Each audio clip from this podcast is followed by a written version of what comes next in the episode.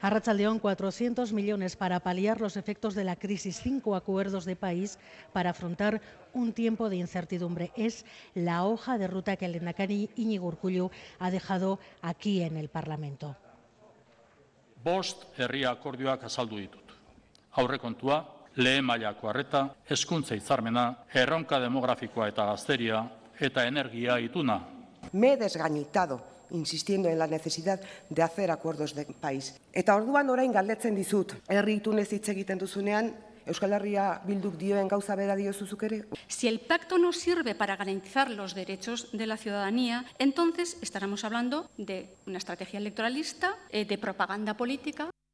Nakari, que ha trasladado la responsabilidad de aceptar o no esos acuerdos, esos pactos a la oposición. Nadie se ha desmarcado abiertamente, pero en el para qué y en el cómo, en la letra pequeña, ha venido el debate y las suspicacias. Y Manuel Manterola. Lo que nos deja este pleno es la lectura común que hacen todos los partidos de la situación, incluso de los retos pendientes, de que hay que hacer algo y que ese algo pasa por los acuerdos entre partidos políticos. Pero lo cierto es que a partir de ahí poco se ha avanzado hoy, porque los grupos parlamentarios han confrontado modelos en prácticamente todas las materias. Así que Habrá que esperar todavía para ver si la oferta de pactos de país del Endacari y los partidos de la oposición cristalizan en algo tangible. Da respuesta a un momento de precios altos, de crisis energética, de carteras que no llegan y lo que pueda venir después del arreón que Putin le dio ayer a la guerra. El Endacari ha fijado aquí en el Parlamento Vasco su hoja de ruta, José Luis Fonseca. Sí, lo ha hecho a través de una estrategia con cinco prioridades, 40 medidas, y entre esas medidas nuevas a través del programa Inchartus,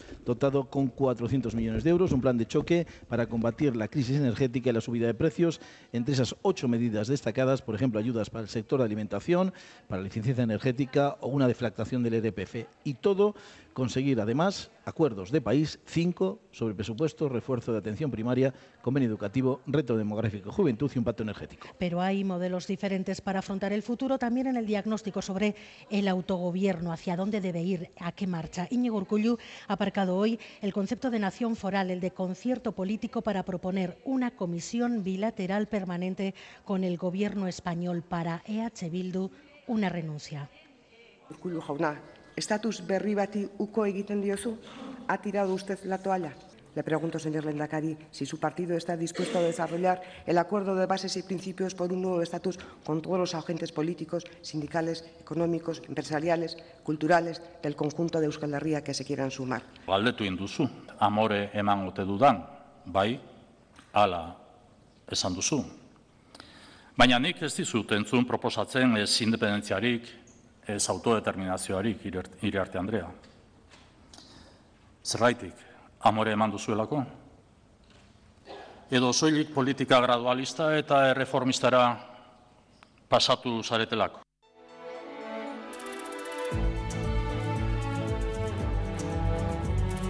Gambara con Arancha García. Gambara hoy desde el Parlamento Vasco, acuerdo, pacto. Pocas veces he escuchado tantas veces estas dos palabras aquí en la Cámara, pero las manos tendidas no han llegado a tocarse hoy. ¿Hay potencial? ¿Hay algún gesto? Maite Mayos, la jefa de política de EITB, Arracha León, Maite. Sí, Arracha León. ¿Ha habido algún gesto, algo que nos haga pensar que lo que hoy no ha sido posible puede llegar a serlo? Ha habido gestos y yo diría que más que gestos, porque ha habido respuestas directas a esa propuesta de cinco pactos de país que ha anunciado el Endacari en tribuna. Eso sí, vaticinar si va a dar sus frutos va a ser complicado porque los partidos de la oposición han puesto muchos peros, no a los contenidos que se han propuesto, porque sí se ha visto coincidencia, muchos de ellos, en lo que proponía el Endacari Urcuyu y lo que contestaban, sino a cómo se van a gestar esos acuerdos. Maya Leniriarte desde tribuna ha sido directa, ha dicho que se ha desgañitado desde el inicio de la legislatura pidiendo esos pactos de país, pero que no ha sido posible porque sistemáticamente lo que ellos han propuesto ha sido rechazado por el Gobierno vasco. No obstante, ha insistido en que estarán dispuestos a esos acuerdos. En el caso de Podemos IU, eh, también abiertos a dialogar, a hablar, pero ponen el acento en el contenido, porque cree, mire, miren Gorrochategui que se está hablando mucho de la forma, de los procedimientos, pero no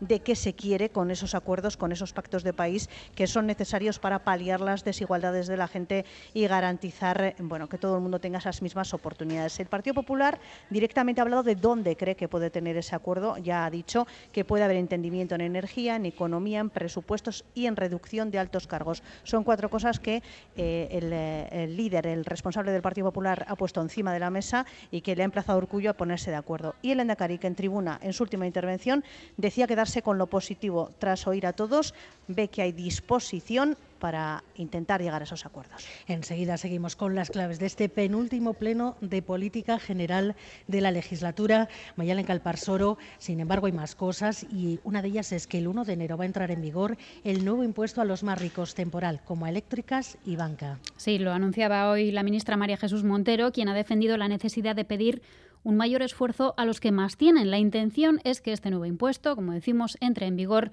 a principios del año que viene.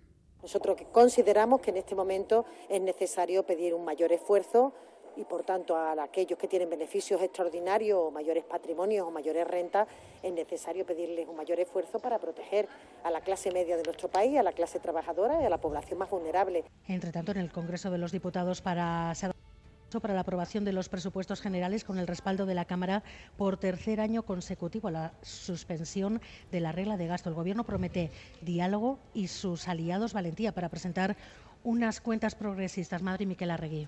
Sí, luz verde del Congreso a la suspensión de la regla de gasto, pistoletazo de salida a la negociación de lo que serán los últimos presupuestos de esta legislatura. El Gobierno mira a sus aliados con quien quiere repetir mayoría, promete diálogo y un anuncio, un nuevo impuesto para las grandes fortunas. Todavía se desconoce su alcance, pero el Ejecutivo de Sánchez intenta camelar a socios nacionalistas, independentistas y de izquierdas que le piden que sea ambicioso y presente unas cuentas, unas cuentas acordes a la difícil situación económica. Y el euro que cae frente al dólar a su mínimo histórico en los últimos 20 años. 0,98 dólares es el cambio mínimo del euro en dos décadas. La causa, la subida de tipos de interés en 75 puntos básicos de la Reserva Federal de Estados Unidos. El anuncio no ha quedado ahí y prevé el incremento de otros 125 puntos a finales de año, a lo que se sumarían 25 puntos más en 2023, llegando al 4,6%. Y ya se van descubriendo poco a poco las candidaturas de los partidos para las próximas elecciones. Hoy hemos sabido que el PNV ha propuesto a sus bases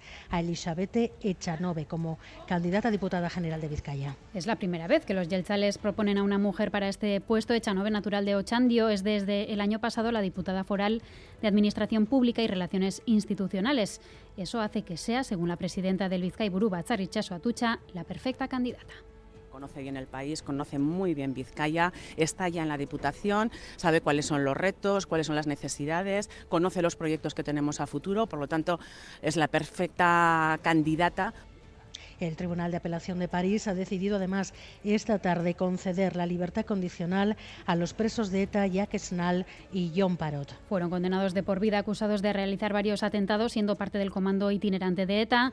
Han pasado 32 años en la cárcel, ambos tienen ya más de 70 años y ahora, como decimos, quedarán en libertad condicional. Estarán recluidos en casa durante un tiempo con vigilancia electrónica y ciertas obligaciones entre otras desarrollar un proyecto profesional y realizar un seguimiento en el servicio de prisiones de Ángelo. Y además seguimos pendientes de Rusia. Allí el movimiento pacifista Vesna ha convocado para este sábado una nueva jornada de protesta nacional contra la movilización de reservistas. Es su respuesta a las más de 1.300 detenciones que efectuó ayer la policía. A pesar de las protestas, miles de rusos han recibido ya la citación para comenzar el entrenamiento militar. Además, el Kremlin ha tachado de muy exageradas las informaciones sobre colas de personas para salir del país. Y un último apunte, volvemos a Casa Arancha, hoy se celebra el Día sin Coche y nos hemos fijado en los cambios de hábito que se están dando en la movilidad, sobre todo desde la implantación de descuentos en el transporte público. En la primera semana el uso del topo, por ejemplo, se incrementó un 13% en Guipúzcoa. Desde inicios de mes vemos autobuses y trenes más llenos. En el caso concreto de Bilbao, el ayuntamiento confirma además un descenso en la entrada de coches a la villa. Debería ayudarnos porque aparte al aparcar en Bilbao cada vez es más complicado, con lo cual pues entre precios de gasolinas eh, y demás, pues yo creo que compensa ya utilizar más el transporte público. Estos días sí que he visto, por ejemplo, gente sacándose la chartela y así, yo creo que sí, que sí que se nota. Se nota mucha más afluencia ya de personas, de viajeros. Sobre todo en el autobús que viene de Castro, el doble, por lo menos. No sé si cogerá luego la costumbre o, o se le quitará el día 1 de enero. Gambara hoy en directo desde el Parlamento con la dirección técnica aquí de Arancha Prado, Miguel Ortiz y Alberto Zubeldia en los estudios centrales.